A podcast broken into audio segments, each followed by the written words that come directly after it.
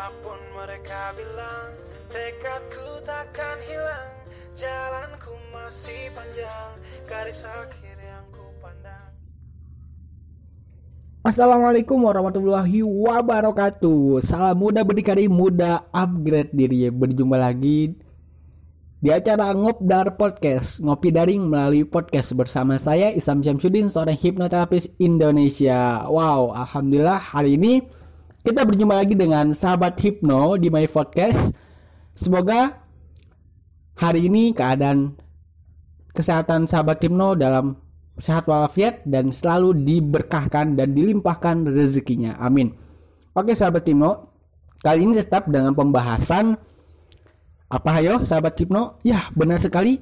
80 inspirasi untuk mendongkrak produktivitas pribadi Yang akan sanggup pautkan dengan hipnosis ala NLP Wow sahabat Hipno tetap Tujuan saya di podcast ini mengedukasi dan memberikan ilmu secara cuma-cuma tentang hipnosis, hipnosis dan NLP kepada sahabat Hipno semuanya. Oke sahabat Hipno, tidak terasa kita sudah beberapa episode ngobrol bareng dan sahabat Timno selalu setia di My Podcast. Oke sahabat Timno kita lanjut aja tentunya di hari ini dengan kepadatan kesibukan kita menghadapi new normal ada yang sudah mulai bekerja, ada yang sudah mulai kembali ngantor, ada yang sudah mulai membuka training, ada yang sudah kembali ke pasar, ada yang bekerja keras dan sebagainya. Tentunya apa pun yang kita lakukan semoga selalu diberikan keselamatan dan keberkahan oleh Tuhan Yang Maha Kuasa. Oke sahabat Hipno, tentunya ketika kita menghadapi semua rutinitas kita, pasti mental kita ya sedikit lelah. Terkadang perasaan hati kita Gak tahu kenapa ya sahabat hipno. Tidur kita cukup. Makanan kita cukup. Bahkan olahraga kita cukup. Tetapi ada yang masih hampa. Ya benar sekali. Mental kita sedang menurun. Dan tentunya di hari ini saya akan membahas tentang seputar mental yang sedang lemah atau kelelahan. Kelelahan mental akibat memilih dan memutuskan sekarang tentunya ketika kita menghadapi new normal, sahabat hipno pasti kembali lagi dengan sebuah pilihan. Tentunya hidup ini adalah pilihan. Life this choice. Oke. Seperti kata Daniel Levitin mengatakan bahwa sahabat hipno pada tahun 1976 hanya ada 9000 penduduk di sebuah toko grosir. Eh maaf sahabat Hipno maksudnya hanya ada 9000 produk di sebuah toko grosir. 9000 produk di sebuah toko grosir. Menurut Daniel Levitin di tahun 1976 nah hari ini jumlah itu menggelembung sudah berubah lagi sahabat Hipno bukan 9000 produk lagi tetapi menjadi 40 ribu produk sahabat Hipno di toko tersebut. Padahal kebutuhan belanja belanja kita ya terutama ya sahabat Hipno akan terpenuhi hanya dengan 150 item saja loh. 150 item produk yang kita butuhkan. Artinya kita perlu mengabaikan puluhan ribu produk lainnya setiap kali kita berbelanja. Tentunya ketika kita masuk ke swalayan, toko swalayan, masuk ke pasar, masuk ke Indomart, Alfamart, Yomart, dan yang Yomart-Yomart yang lainnya. tentunya mata kita langsung terpacu dan terfokus tidak hanya satu bidang, tidak hanya satu fokus, tetapi berbagai fokus. Ketika kita ingin niatnya hanya ingin membeli sebuah minuman dingin, tapi ketika masuk buka pintu, wow, kita dikejutkan dengan diskon lah, dengan potongan harga lah, dengan harga yang murah lah, sampai barang yang terbaru lah. Pikiran kita menjadi kacau sahabat hipno dan mempengaruhi mental kita. Terutamanya mental kita akan menurun, akan kelelahan sahabat hipno. Nah, ledakan informasi menyebabkan ledakan pilihan sahabat hipno terpacu kepada banyak produk yang kita lihat. Tentunya kita dituntut terkadang untuk memilih banyak banget keputusan.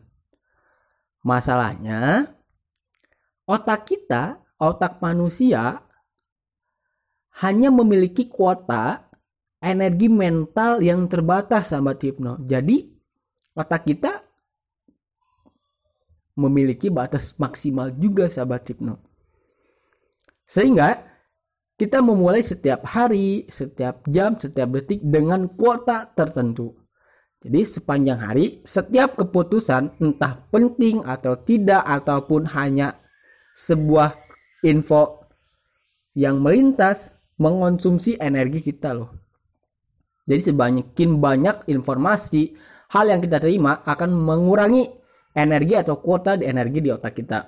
Pertanyaannya sahabat Hipno, saya perlu pakai baju biru atau baju merah apabila sahabat Hipno ingin keluar di hari Selasa tentunya. Tentunya pasti memilih kan? Saya ingin pakai baju biru atau merah. Nah, pertanyaan selanjutnya, saya baru saja di, didiagnosis kanker. Penanganan mana yang akan saya pilih? Kemoterapi atau operasi? Hal itu masih menanyakan kepada diri kita, mau kemo ataupun operasi. Nah, otak kita mengkonsumsi energi bahkan hanya untuk memutuskan saja sahabat Timno. Jadi ketika kita memutuskan satu sebuah pilihan, otak kita juga mengkonsumsi energi yang semakin banyak kita memutuskan semakin menguras energi otak kita. Seperti hari ini pakai baju apa, hari ini makan apa, makannya di mana, makannya dengan siapa, menunya apa, minumnya apa, Terus kalau misalnya kita mau nyuci, deterjen mana yang perlu saya beli atau sahabat Himno beli? Apakah yang mengandung softener ataupun tidak? Saya perlu menjawab pesan WhatsApp ini atau tidak? Jika perlu, jika perlu kita membahas sekarang atau nanti. Terus, bagaimana saya akan menjawabnya? Setiap tweet setiap postingan Facebook ataupun teks WhatsApp berkompetisi merebut sumber daya kita loh sahabat Hipno di otak kita untuk mengambil sebuah keputusan. Secara kita, tidak kita sadari, alam bawah sadar kita sudah terotomatis akan menentukan kita harus milih mana, kita harus milih mana, dan kita harus menentukan. Makanya di pembahasan ini bagaimana cara kita menghadapi itu semua. Ya benar sekali sahabat Timno, untuk keputusan-keputusan seperti tadi, kita mengonsumsi kuota pengambilan keputusan di dalam otak kita sendiri. Tentunya sahabat hipno, otak tidak akan membedakan apakah keputusan yang diambil itu adalah keputusan yang penting ataupun tidak. Itu tergantung pada diri kita yang memilih. Perlakuannya sama sahabat hipno. Setelah kita mengambil banyak keputusan yang bersifat trivial, ataupun kebutuhan yang penting atau tidak, kita mulai mengambil keputusan-keputusan yang buruk terkadang. Terkadang yang keputusan-keputusan yang baik. Bila kuota energi mental kita habis loh sahabat Hipno, maka kita tidak lagi bisa memutuskan sesuatu dengan jernih. Sahabat Hipno pernah merasakan nggak kecapean, terus ujung-ujungnya tidak konsentrasi. Nah, itu yang akan sahabat tim rasakan ketika banyak sekali menguras energi di otak kita. Maka kita tidak lagi bisa memutuskan sesuatu dengan jernih. Benar sekali sahabat Timno. Tidak peduli betapa pentingnya keputusan itu, berapapun urgensi, berapa persen pun hal yang dampak kepada kita, kita tidak peduli ketika kita sudah capek ya overload Nah, dalam ilmu psikologi, psikologi, hal ini juga disebut dengan yang saya bahas tadi, sahabat Timo, kelelahan mental. Ini yang sering kita alami sahabat Timo di kehidupan sehari-hari. Tentunya kita harus bisa menentukan dan memilih apa yang kita inginkan. Jadi ketika saya berbicara tentang energi, saya tidak berbicara energi secara metaforik ya sahabat hipno. Tetapi yang saya bahas di sini adalah energi dalam makna yang sebenarnya. Maksudnya, maksud dari energi yang saya bahas di sini adalah energi dari glukosa yang menjadi bahan bakar setiap sel neuron di otak kita, sahabat hipno. Jadi secara biologis, pengambilan keputusan dikerjakan oleh neuron di otak kita. Apa sih neuron? Nah, neuron adalah makhluk hidup yang bisa juga lelah, sahabat hipno. Karena dikuras energinya. Nah, dia membutuhkan sama, membutuhkan oksigen dan glukosa sebagai bahan bakarnya. Bahan utamanya ya oksigen dan glukosa. Jadi setiap kali kita mengambil keputusan, glukosa berkurang, akan berkurang terus berkurang sebanyak keputusan yang kita ambil. Sehingga otak pun akan lelah dan berpengaruh kepada tubuh kita. Jadi di sini ada harga yang dibayar dalam setiap pengambilan keputusan. Jadi pilihlah hal yang memang itu menurut sahabat Timno penting. Dan jangan pikirkan dan jangan hiraukan hal-hal yang menurut kita itu tidak penting. Tetapi terkadang kita sering gitu kan ya mem membahas atau memikirkan hal-hal yang menurut kita tidak penting. Tapi ya kita tetap aja bahas secara tidak sadar alam bawah sadar kita udah otomatis karena kita selalu melakukan hal itu. Secara kita tidak sadari. Lalu bagaimana agar kita terhindar dari mental atau kelelahan mental tersebut? Ini dia sahabat Tino yang pertama tetapi sebelum saya kasih tahu bagaimana caranya, apakah sahabat hipno pernah melakukan atau pernah mengalami kelelahan mental? Hmm, satu, dua, tiga. Wow, semuanya hampir kebanyakannya sama ya kelelahan mental. Begitu juga saya sahabat hipno. Saya juga pernah melakukan merasakan kelelahan mental bahkan berdampak kepada kesehatan saya pribadi baik itu akan pilek, baik itu akan pusing, baik itu akan tipes, lambung dan lain-lainnya. Jadi pertama adalah batasi asupan informasi dan saluran komunikasi sahabat hipnos semuanya. Kita harus membatasi semua informasi dan saluran komunikasi kita pribadi, baik itu pribadi ataupun keluarga kita. Tujuannya apa? Dan maksudnya apa? Nah, ini nih. Jadi ini rahasianya, mengapa orang-orang sukses, sahabat Hipno, membatasi informasi dan komunikasi mereka dengan dunia luar.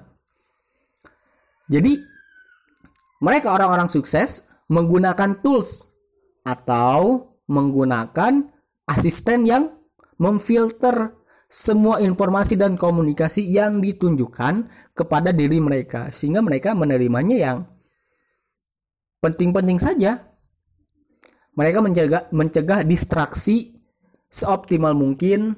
Mereka menyadari bahwa atensi adalah sumber daya mental utama yang sangat berharga, sahabat Timno. Makanya banyak orang-orang sukses itu memiliki asisten kan asisten pribadi, bukan asisten rumah tangga ya sahabat Tipno ya. Tapi asisten pribadi sahabat Tipno. Manajer mereka. Gitu kan kadang mereka diingatkan, "Pak, hari ini ada informasi ini, kita ada rapat ada ini ada ini ada ini ada ini sehingga mereka arah hidupnya sudah jelas sahabat hipno dalam artian jadwal hidup hari ini mau ngapain aja. Poin yang kedua sahabat hipno prioritaskan tugas sahabat hipno dan keputusan penting. Jadi keputusan yang penting-penting saja di pagi hari. Why di pagi hari? Kenapa di pagi hari? Hmm.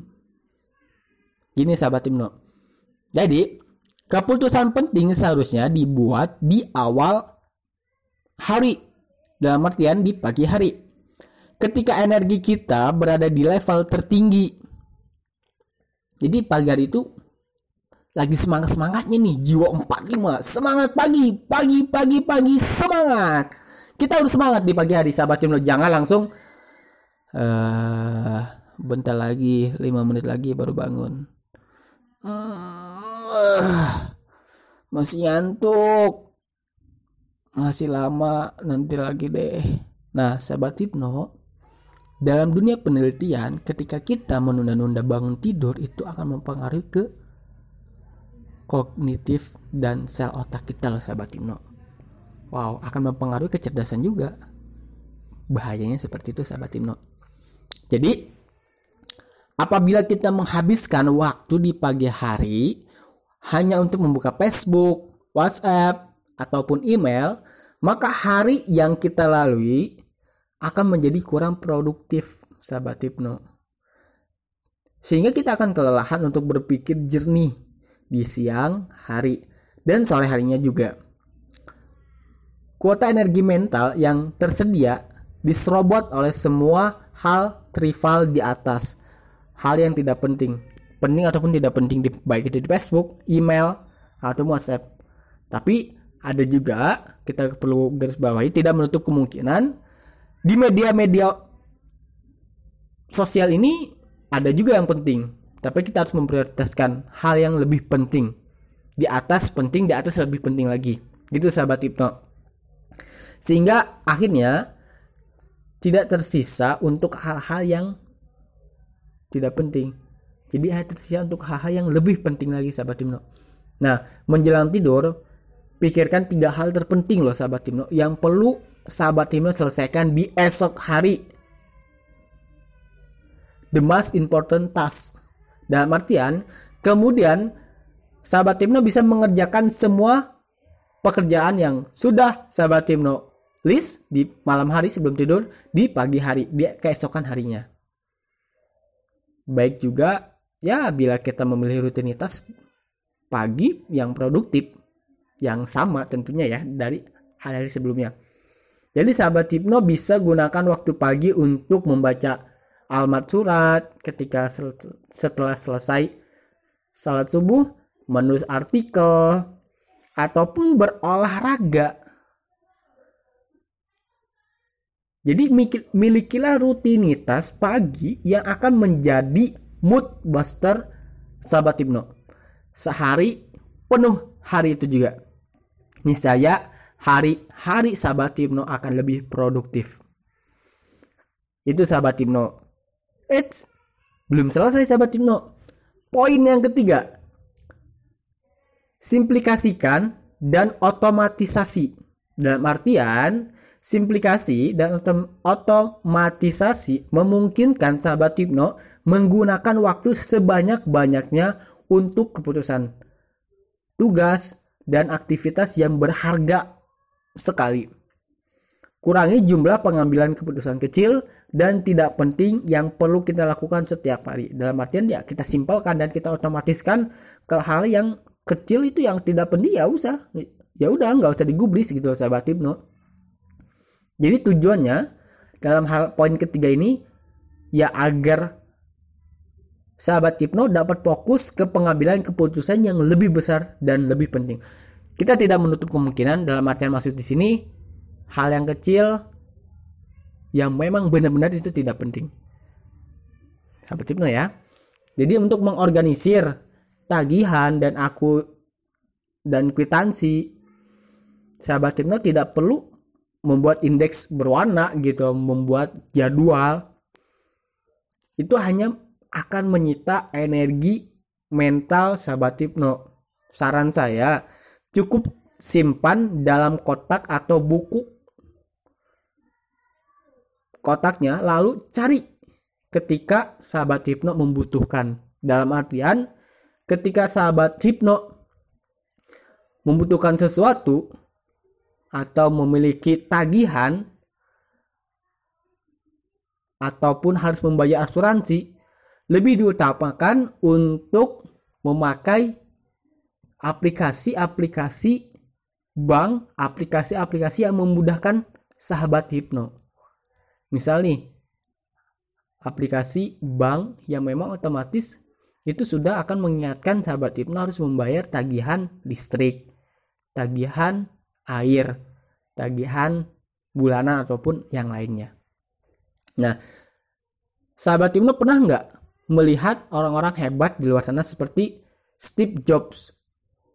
Dia itu memakai kaos hitam yang sama setiap hari agar tujuannya tidak perlu memutuskan akan menggunakan baju apa hari ini. Sistem seperti ini terkadang dapat kita lakukan dan sahabat hipno lakukan untuk menghemat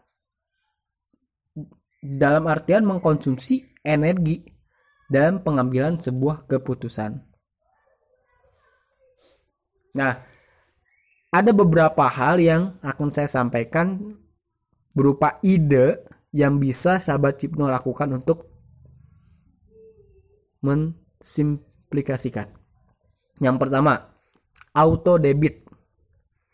Tujuannya untuk pembayaran tagihan. Sehingga sahabat hipno tidak perlu mengingat-ingat apakah sahabat hipno sudah membayar tagihan atau belum di bulan ini. Karena secara otomatis sudah dipotong dan akan ada pemberitahuannya. Kedua, perencanaan menu selama seminggu. Sahabat Hipno sudah merencanakan menu selama satu minggu. Hari Senin mau makan apa? Paginya sarapan apa? Makan siang apa? Makan malamnya apa? Selasa, Rabu, Kamis, Jumat, Sabtu, dan Minggu, sahabat Himno sudah memiliki list. Sehingga sahabat Himno tidak usah memikirkan hal-hal yang memang menguras energi otak sahabat Himno. Yang akan berujung kepada kelelahan mental. Jadi sahabat Himno sudah otomatis. Hari ini makan ini, nanti siang makan ini. Dan itu juga bisa di variasikan satu minggu sekali untuk dirubah-rubah ya sahabat hipno menunya apa saja. Yang selanjutnya rutinitas pagi. Nah, sahabat hipno kebiasaan pagi yang sama membuat sahabat hipno produktif setiap pagi hari. Misalnya, sahabat hipno bangun pagi jam 4 subuh. Terus sholat. Terus tadarus. Dilanjutkan dengan olahraga pagi, menyiapkan sarapan dan yang lain-lainnya. Apabila sahabat Hipno melakukan hal itu rutinitas, secara komitmen, secara rutin setiap pagi, itu akan membuat produktif sahabat Hipno meningkat loh. Nah, poin yang terakhir adalah hanya membawa membawa hal-hal yang penting di kehidupan sehari-hari. Contoh, hal apa saja atau benda apa saja yang penting yang harus kita gunakan di hari itu. Dan hanya menjawab chat di waktu-waktu tertentu yang sudah kita jadwalkan. Dalam artian, sahabat Hipno bisa menjawab WhatsApp, email yang memang sudah sahabat Hipno tentukan waktunya di hari apa pun itu, di jam apa pun itu. Oke sahabat timnas sudah tidak terasa hampir setengah jam lebih kita berbincang-bincang tentang bagaimana menghadapi kelelahan mental. Semoga podcast ini berharga dan jangan lupa share sebanyak-banyaknya kepada teman-teman kamu, keluarga kamu, pacar kamu, selingkuhan kamu. Ups, itu mah jangan dibicarakan sahabat Tino. Ke teman-teman kamu, ke adik-adik kamu apabila ini bermanfaat untuk mereka silakan share dan Sampai jumpa di episode podcast saya selanjutnya. Saya Isam Syamsuddin, seorang hipnoterapis Indonesia. Salam muda berdikari, muda upgrade jadi. Wassalamualaikum warahmatullahi wabarakatuh. Ini dia lagu request dari sahabat Ibnu. Cikidot. Apa pun